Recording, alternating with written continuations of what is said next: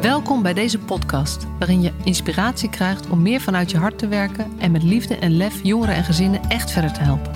Voel je waarde, voel de passie voor je vak, voel je professional vanuit je hart.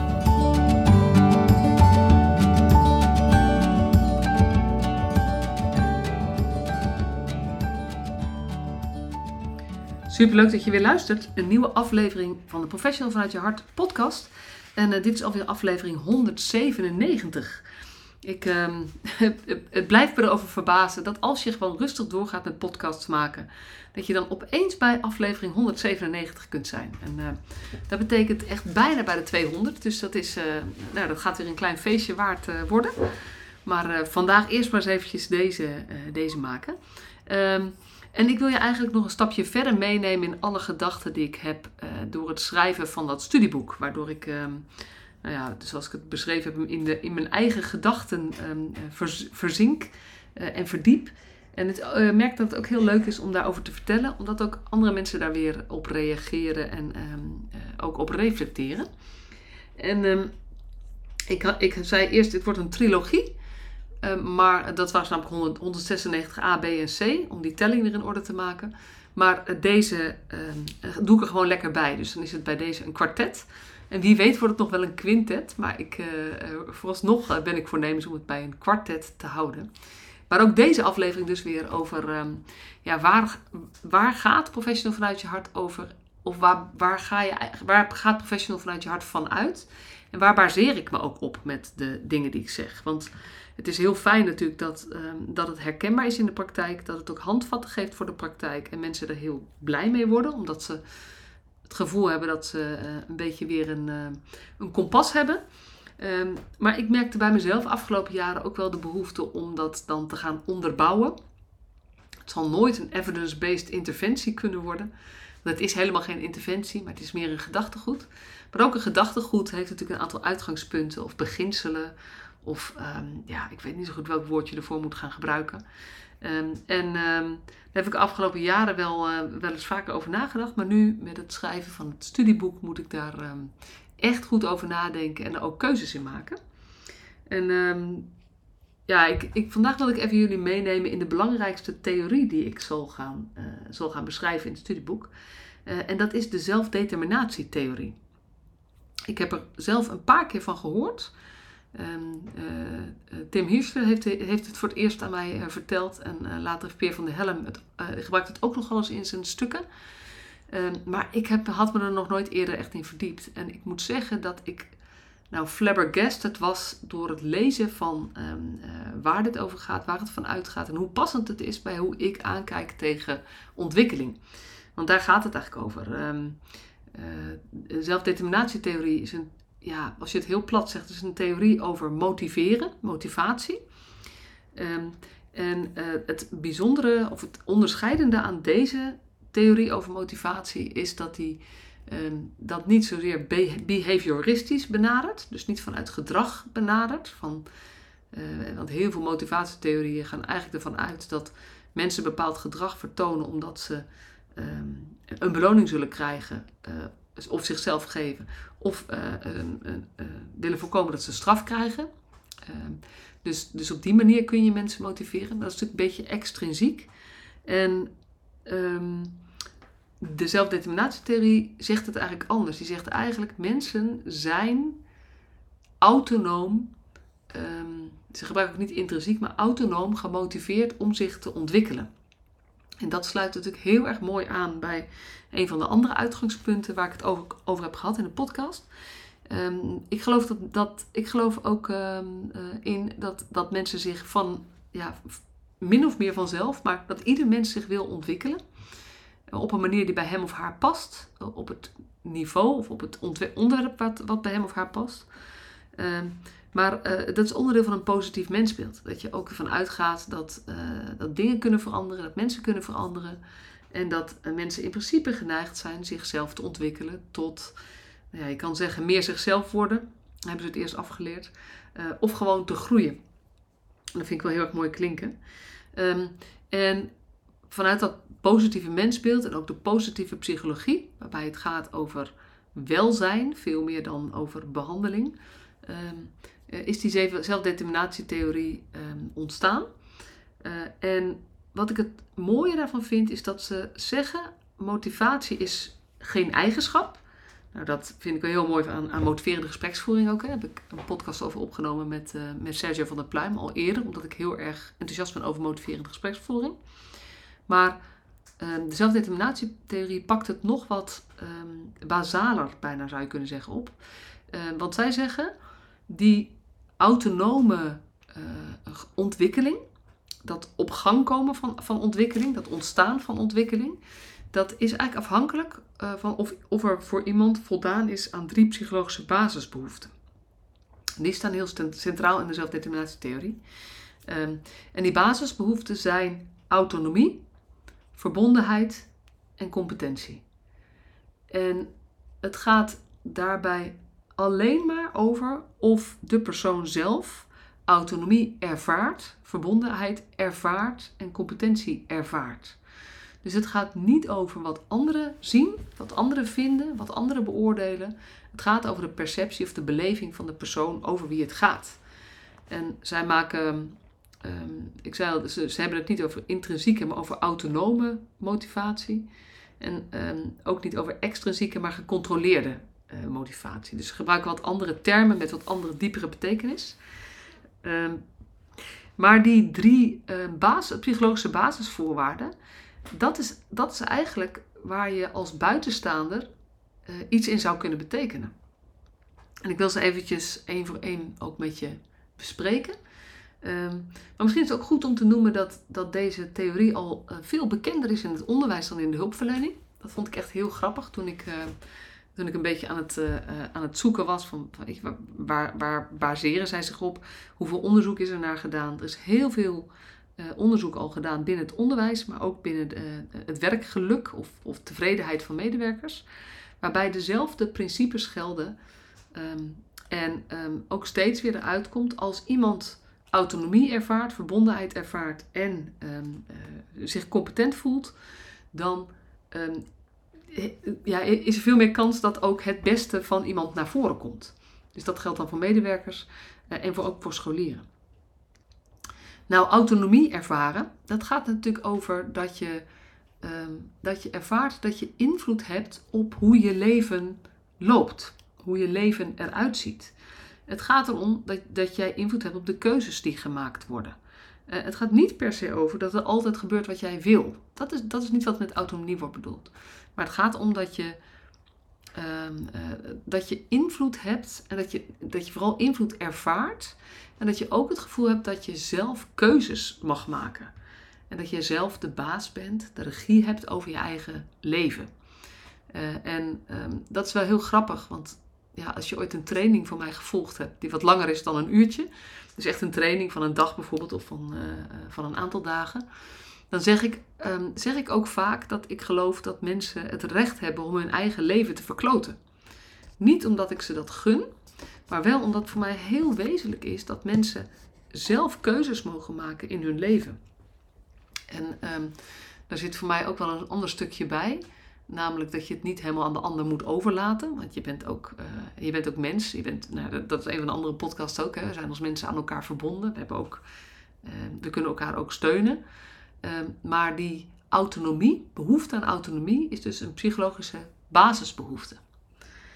Um, de tweede, die uh, bij de zelfdeterminatietheorie naar voren komt, is verbondenheid. En daar bedoelen ze mee meer dan sociaal contact, maar echt je verbonden voelen met iemand. En het gevoel hebben dat je ertoe doet voor iemand. Um, en uh, dit, is, nou ja, dit is binnen het onderwijs natuurlijk heel gemakkelijk te, ja, te meten ook met de, de leerling-leraar um, uh, samenwerkingsrelatie. Als die beter is, zijn leerlingen meer gemotiveerd.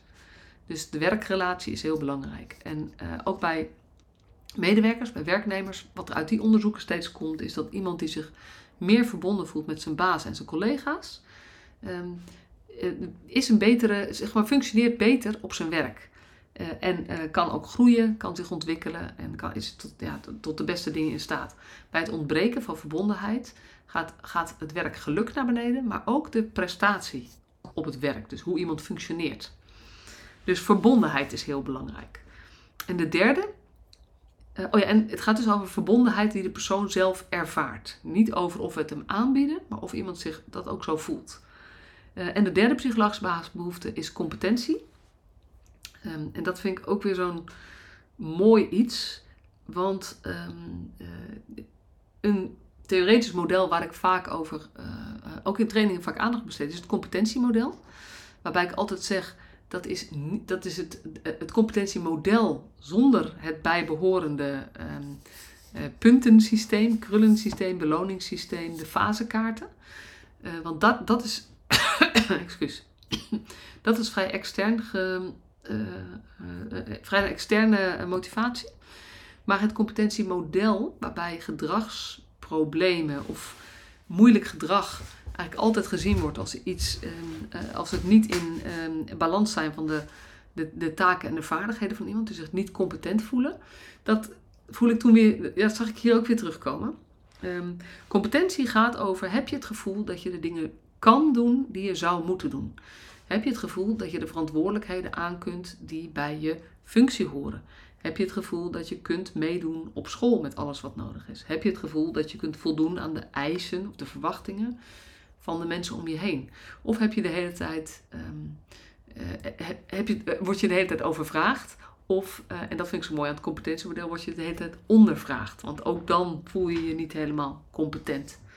Um, en de zelfdeterminatietheorie zegt dus dat je als buitenstaander, of dat nou um, een ouder is, of een, een docent, of een hulpverlener, of als je een buitenstaander bent, wat je zou, wat, waar je uh, aan kunt, in kunt bijdragen, is um, het kijken hoe die psychologische basisbehoeften vervuld zouden kunnen worden. Dus hoe kan iemand um, meer autonomie ervaren? Hoe kan iemand zich meer verbonden voelen? Hoe kan iemand zich competenter gaan voelen? Vanuit de verwachting dat als je daar meer aan, uh, dat, als, als dat gevoel toeneemt, dan zal iemand zich ook weer meer gaan ontwikkelen. En ik vind het uh, woord ontwikkelen altijd wel mooi. uh, zeker als het gaat over in, in, in de zorgsector. Want vaak hebben we het dan over gedrag en over het bijsturen van gedrag of zo. Um, maar dat klinkt allemaal best wel extern. Dat klinkt best wel als zichtbaar, als meetbaar. En de hele zelfdeterminatietheorie, dan praten we eigenlijk over een heel andere laag van hoe we met mensen werken. Dan ben je niet bezig met hoe kun je gedrag veranderen, maar dan ben je eigenlijk bezig met hoe kun je de voorwaarden verbeteren waardoor iemand de wens zal hebben om ook zichzelf te gaan ontwikkelen. En um, in sommige situaties zal dat ook betekenen dat hij zijn gedrag wil uh, veranderen. Maar het betekent vooral dat wij als buitenstaander er dus niet over gaan wat hij dan wel of niet moet gaan doen. Want dat is nou het wezenlijke van die autonomie. En um, ik herken hier ook heel, veel in van de cirkel van gedragsverandering, die ik altijd uitleg bij, de, bij motiverende gespreksvoering. Um, dat als wij, als jij als buitenstaander wel wil dat iemand verandert, maar iemand wil het zelf nog niet, dan blijf je eigenlijk trekken aan iemand en nou dan, dan dat, dat roept dan weerstand op. Uh, en uh, nou, dan, is iemand ongemotiveerd bijvoorbeeld. En je hebt zelf het gevoel dat je aan het trekken bent aan een dood paard. Maar eigenlijk sluit je gewoon niet zo goed aan bij waar de ander zit in zijn eigen ontwikkeling of in zijn eigen beleving. En um, de zelfdeterminatietheorie vind ik daar echt heel erg. Um, die legt ontzettend mooi uit hoe dat dus werkt. En ik moet zeggen dat ik het ook bij mezelf wel herken. Dat um, op het moment dat je, uh, dat je lekker in je vel zit, het gaat goed in je relatie bijvoorbeeld, in, ja, in je, in mijn relatie. Um, ik voel me verbonden. Ik heb het gevoel dat ik de taken die ik heb in mijn leven ook aan kan. En ik heb het gevoel dat ik mijn eigen keuzes kan maken. Dan kan ik veel meer werk aan dan wanneer ik het gevoel heb dat, uh, nou ja, als er iets rommelt in de relatie of zo, zeg maar. Um, wat niet het geval is hoor, nu, laat het eventjes ook helder zijn. Maar wat wel een periode geweest is. Uh, en dat, het gaat nu weer goed. Dus dan merk ik ook hoeveel basis je dat geeft. En hoeveel gemakkelijker het dan is om ook je te motiveren voor dingen waar je op zich die je niet zo leuk zou vinden, bijvoorbeeld. Um, want het gaat dus ook niet over dat je alleen maar dingen doet die je leuk vindt. Het, de zelfdeterminatietheorie zegt, nee, mensen zijn eigenlijk geneigd om keuzes te maken die ook goed zijn voor hen. Als ze maar het gevoel hebben dat ze autonome keuzes kunnen maken, zich verbonden voelen met andere mensen en competent zijn. Zich competent voelen in, de, in, de, in de, de stap die ze zouden willen gaan zetten. En ehm, dat is ook. Ehm, ik, ik had het hierover via mail met, met een van de luisteraars van de podcast. Want die, ehm, die had geluisterd naar een aflevering en die reageerde ergens op was heel leuk. Ze schreef, uh, ik was aan het schoonmaken met, uh, met de podcast op een, uh, aan. Waardoor een niet zo leuke taak toch nog een vermakelijk uurtje wordt. Dus heel leuk, dankjewel. En vind ik sowieso heel leuk als jullie mij laten weten, als je luistert, wat het bij je oproept. Ehm, wat je eraan hebt, dat maakt het voor mij ontzettend leuk als je die moeite neemt. Want dan weet ik ook dat ik die podcast gewoon voor iemand heb gemaakt. En ehm, zelf denk ik altijd, en zeg ik ook wel eens van als je alles maar voor één iemand waardevol, dan heb ik hem, uh, dan heeft het nut, heeft het zin om die podcast te maken. Want het blijft een beetje uh, tegen de microfoon praten. En nou ja, ik kreeg dus een mailtje van de week van iemand en dat is echt super fijn. Um, en naar aanleiding van, van wat zij schreef, um, kwam over, ook even de zelfdeterminatietheorie ter sprake. En zij vertelde dat ze ook binnen het onderwijs hier wel, um, dat hij inderdaad veel bekender is daar. Dat ze ook gezien heeft binnen het MBO-onderwijs dat de, um, dat de insteek op autonomie bij de leer, een deel van de leerlingen, en ik weet dan niet hoe groot deel van de leerlingen, um, het effect had dat leerlingen zich wel een beetje ja, in de steek gelaten voelden of alleen voelden staan. Dat ze alles zelf moesten regelen. En um, ja, daar zat ik dus een beetje over na te denken. Toen dacht ik, ja, het, het verschil is, of, of waar het eigenlijk over gaat, is wie bepaalt wat iemand zelf zou moeten doen?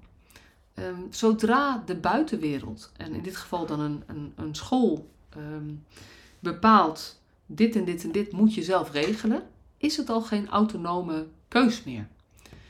Dus um, het ligt, ligt eigenlijk heel genuanceerd. Dat, of ja, genuanceerd of gevoelig, ik weet niet hoe, welk woord ik daarvoor moet gebruiken. Maar het is eigenlijk zo dat, dat uh, de enige maatstaf over of iemand autonomie ervaart, is iemand zelf. En het moeilijke is, zoals bij een school of bij een, bij een hulpverleningsinstelling, is dat je, um, je, je kan moeilijk bij iedereen altijd checken, hey, ervaar jij voldoende autonomie en waar heb je, waar heb je, um, waar heb je meer hulp bij nodig en wat kan ik echt helemaal je overlaten. Terwijl als je volgens die zelfdeterminatietheorie denkt, dan zou dat wel de benadering moeten zijn en zouden we dus altijd op maat moeten uh, benaderen. En daar ben ik sowieso wel van. Uh, betekent dat het uh, soms lastig uit te voeren is. Zeker als je het hebt over een MBO-onderwijsinstelling, waar je het echt over duizend of duizenden studenten hebt. Mm. En toch denk ik dat zeker als, we, als je je zorgen gaat maken over iemand, of het gaat niet zo goed, of je hebt de neiging om je te gaan ja, liefdevol te gaan bemoeien met iemand. Wat toch vaak, wat, wat we vaak doen als het niet zo goed lijkt te gaan. Um, dan, juist dan is het dus zo belangrijk dat we niet voor iemand gaan denken of voor iemand gaan bepalen. Of dat we niet tegen iemand gaan zeggen, ja, maar dat, eigenlijk word je geacht om dat zelf te doen. Um, wat ook niet wil betekenen dat je het altijd moet overnemen, maar het gaat heel erg over de, de toon die je dan gebruikt om het te hebben over, hey, wat, is, wat verwachten wij qua zelfstandigheid? Waar ben jij? Uh, waarvoor kun je een beroep doen op mij? En als je geen beroep dan kan doen op mij, want ik snap dat ook, dat dat niet altijd kan als docent. Uh, welke keuzes heeft de student dan nog? Want um, als ik die zelfdeterminatietheorie goed begrijp, en naarmate ik er meer over lees, heb ik de indruk dat ik hem steeds beter ga begrijpen, is eigenlijk een keuze tussen twee dingen altijd al beter dan één optie. Dus um, nou ja, dat, dat, dat even ter overweging. Want ik, ik weet ook niet precies hoe je dit in de praktijk moet doen. Maar het zette mij wel aan het denken. Van ja, um, ik ken dat zelf ook wel. Als, als ik trainingen geef um, uh, binnen de jeugdzorg. Uh, of binnen de, de jongvolwassenenzorg. Dan gaat het vaak over, nee, maar het is, het is hun eigen verantwoordelijkheid. En hoe, hoe meer je iemand helpt om zijn eigen leven te leven. Hoe beter je hem voorbereidt op de toekomst. Uh, maar de verkeerde toepassing daarvan is dat je dus eigenlijk gaat roepen van... joh, is jouw verantwoordelijkheid, hè? moet je zelf regelen. Want dat is een hele afstandelijke uh, manier van de verantwoordelijkheid eigenlijk ja, over de schutting gooien... bij de persoon over wie het gaat. Zonder dat je daarin goed afstemt of afcheckt uh, wat bij die persoon past. En, en ik, ik kan me dus voorstellen dat dat autonomie binnen de zelfde- zelfdeterminatietheorie eigenlijk op dezelfde manier werkt. Dat, je, eh, dat het vooral over gaat dat iemand in de lead is van zijn eigen proces, maar dat er wel mensen beschikbaar zijn om hem of haar daarbij te helpen. En dan kom je ook op het puntje 2, de verbondenheid. Ik denk, ehm, dat is even in het licht van de podcast vorige week, waarbij ik schrijf, eigen mensen zijn altijd belangrijker dan eh, professionals. Ehm, toen dacht ik, ik moet uh, uh, die zelfdeterminatietheorie, wat belangrijk is om te noemen, is die verbondenheid hoeft dus niet met een professional te zijn. Dat gaat met name ook over verbonden voelen met mensen die er voor jou toe doen. Um, dat zou de eerste insteek moeten zijn. Als het gaat over een, een, een behandelsetting of een uh, of onderwijssetting of een werksetting, dan doet, is het ook wel degelijk van belang of, um, of de leerling of de medewerker of de, uh, de jongere, het gezin, de cliënt, zich verbonden voelt met de hulpverlener, docent, uh, werkgever. Dus zonder dat je het belangrijkste moet worden, als het echt gaat over, over uh, met iemand samenwerken in een bepaalde uh, situatie uh, en je wilt daar ja, iemand helpen om veel meer tot ontwikkeling te komen, dan ontkom je er niet aan om ook te investeren in een verbondenheid die er is met elkaar in die situatie, gebonden aan die functie of die plek. En um, ook in die mail met, um, met die luisteraar is heel leuk. Dat, leuk, het, raakte me wel dat ze zeiden, ja, en um, dat competentie wordt ook niet altijd goed toegepast. Want bij het MBO worden eigenlijk een aantal dingen. Um, er wordt van uitgegaan dat leerlingen bepaalde basisvaardigheden hebben om een aantal dagen zelf te kunnen regelen. En een deel van de leerlingen heeft die basisvaardigheden gewoon niet. En uh, op het moment dat je dan competentie als derde psychologische basisbehoefte um, uh, noemt. En leerlingen hebben eigenlijk per definitie het gevoel dat ze overvraagd worden. Dan is het heel erg moeilijk om dan in die onderwijssetting zelf tot ontwikkeling te kunnen komen.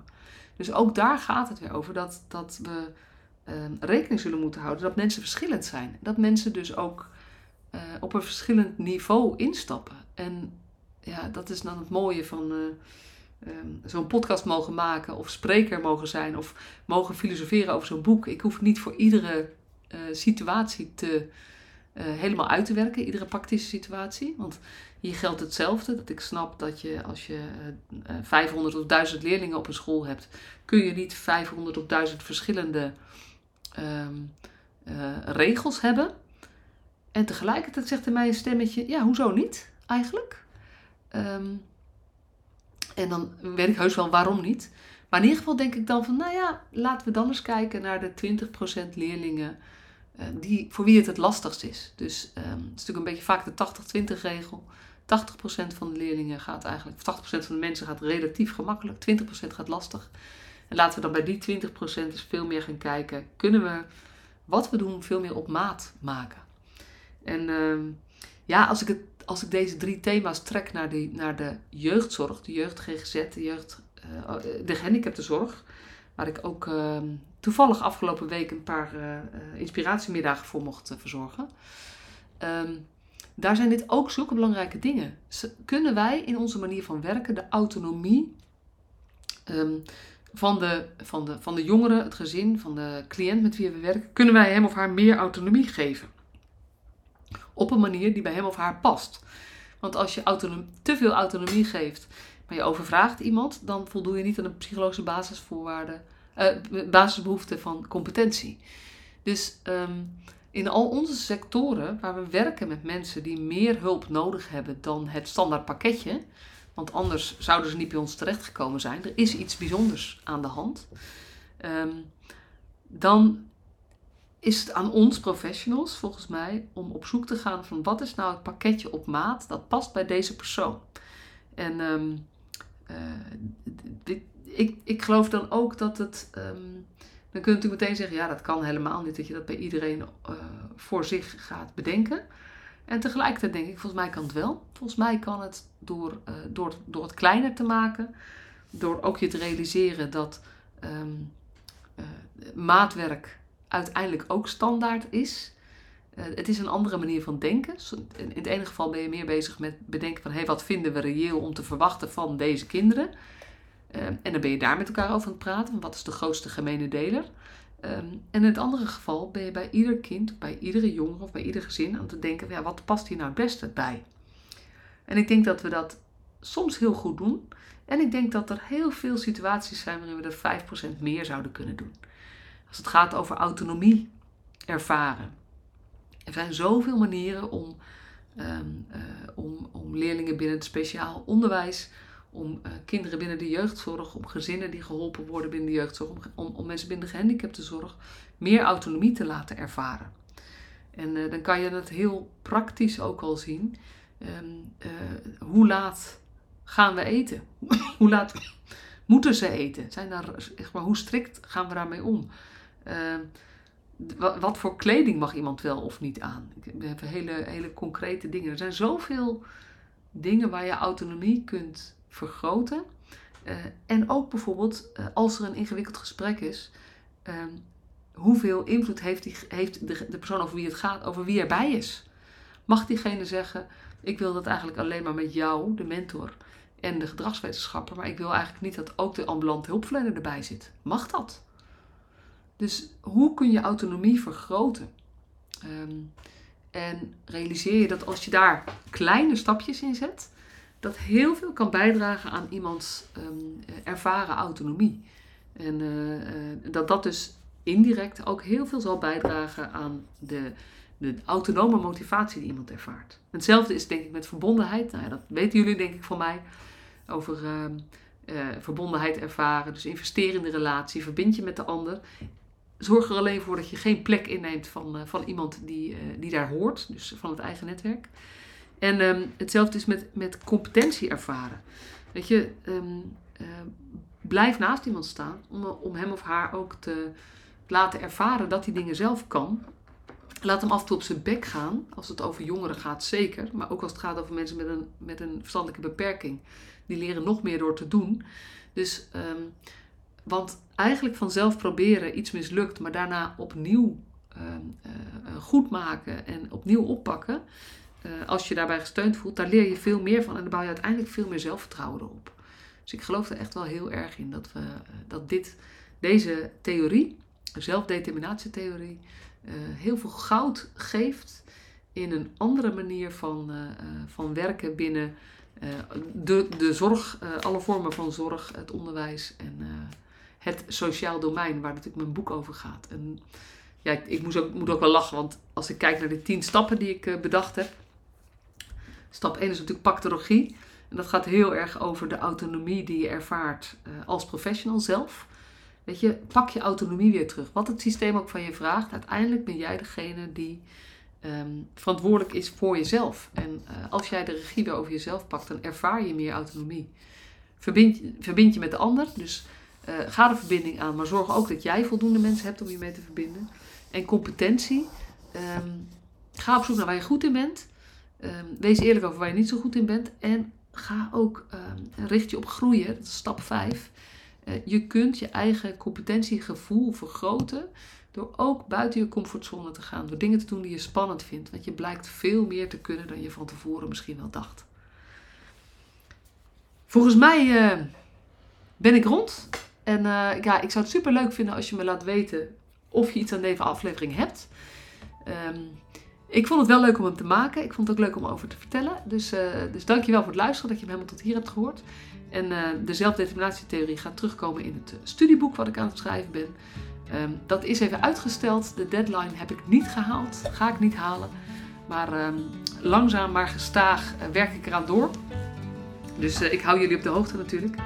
En uh, ik, uh, ik wil je danken voor dit, uh, nogmaals dank voor het luisteren.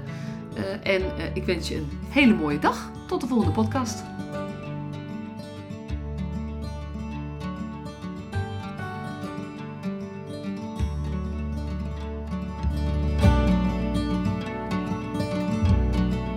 Superleuk dat je weer luisterde naar deze podcast. Dankjewel. Nog even kort een paar belangrijke dingen. Ten eerste, het is mijn missie dat de jeugdhulp weer een sector wordt waarin bevlogen, liefdevolle professionals jongeren en gezinnen echt verder helpen. Daarom maak ik deze podcast voor jou. Wil jij deel uitmaken van deze beweging van Professional vanuit je hart, waarin professionals elkaar steeds opnieuw inspireren? Begin dan met het lezen van mijn boek. Je kunt de eerste hoofdstukken helemaal gratis lezen.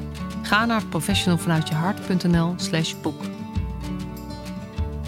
Ten tweede, wil je alle podcastafleveringen overzichtelijk onder elkaar? Abonneer je dan op deze podcast. Klik in je podcast-app op de button subscribe of abonneren. En elke keer als er een nieuwe podcastaflevering gepubliceerd wordt, ontvang je automatisch een berichtje. Ten derde, ondersteun je mijn missie? Geef me dan een review via je podcast-app, bijvoorbeeld iTunes of Spotify. Op die manier kan ik nog meer professionals bereiken. En ken je een collega voor wie deze podcast ook interessant is? Dan zou het super zijn als je hem of haar de podcastaflevering doorstuurt. Bijvoorbeeld door de link te kopiëren via Spotify. Ik vind het altijd heel leuk om berichtjes te ontvangen van luisteraars om te horen wat je van een podcast vindt, of als je misschien vragen of suggesties hebt. Of als een aflevering je een bepaald inzicht heeft gegeven of er iets in beweging is gekomen. Stuur me dan even een berichtje op masha.professionalvanuitjehart.nl via de website of stuur me een connectieverzoek op LinkedIn.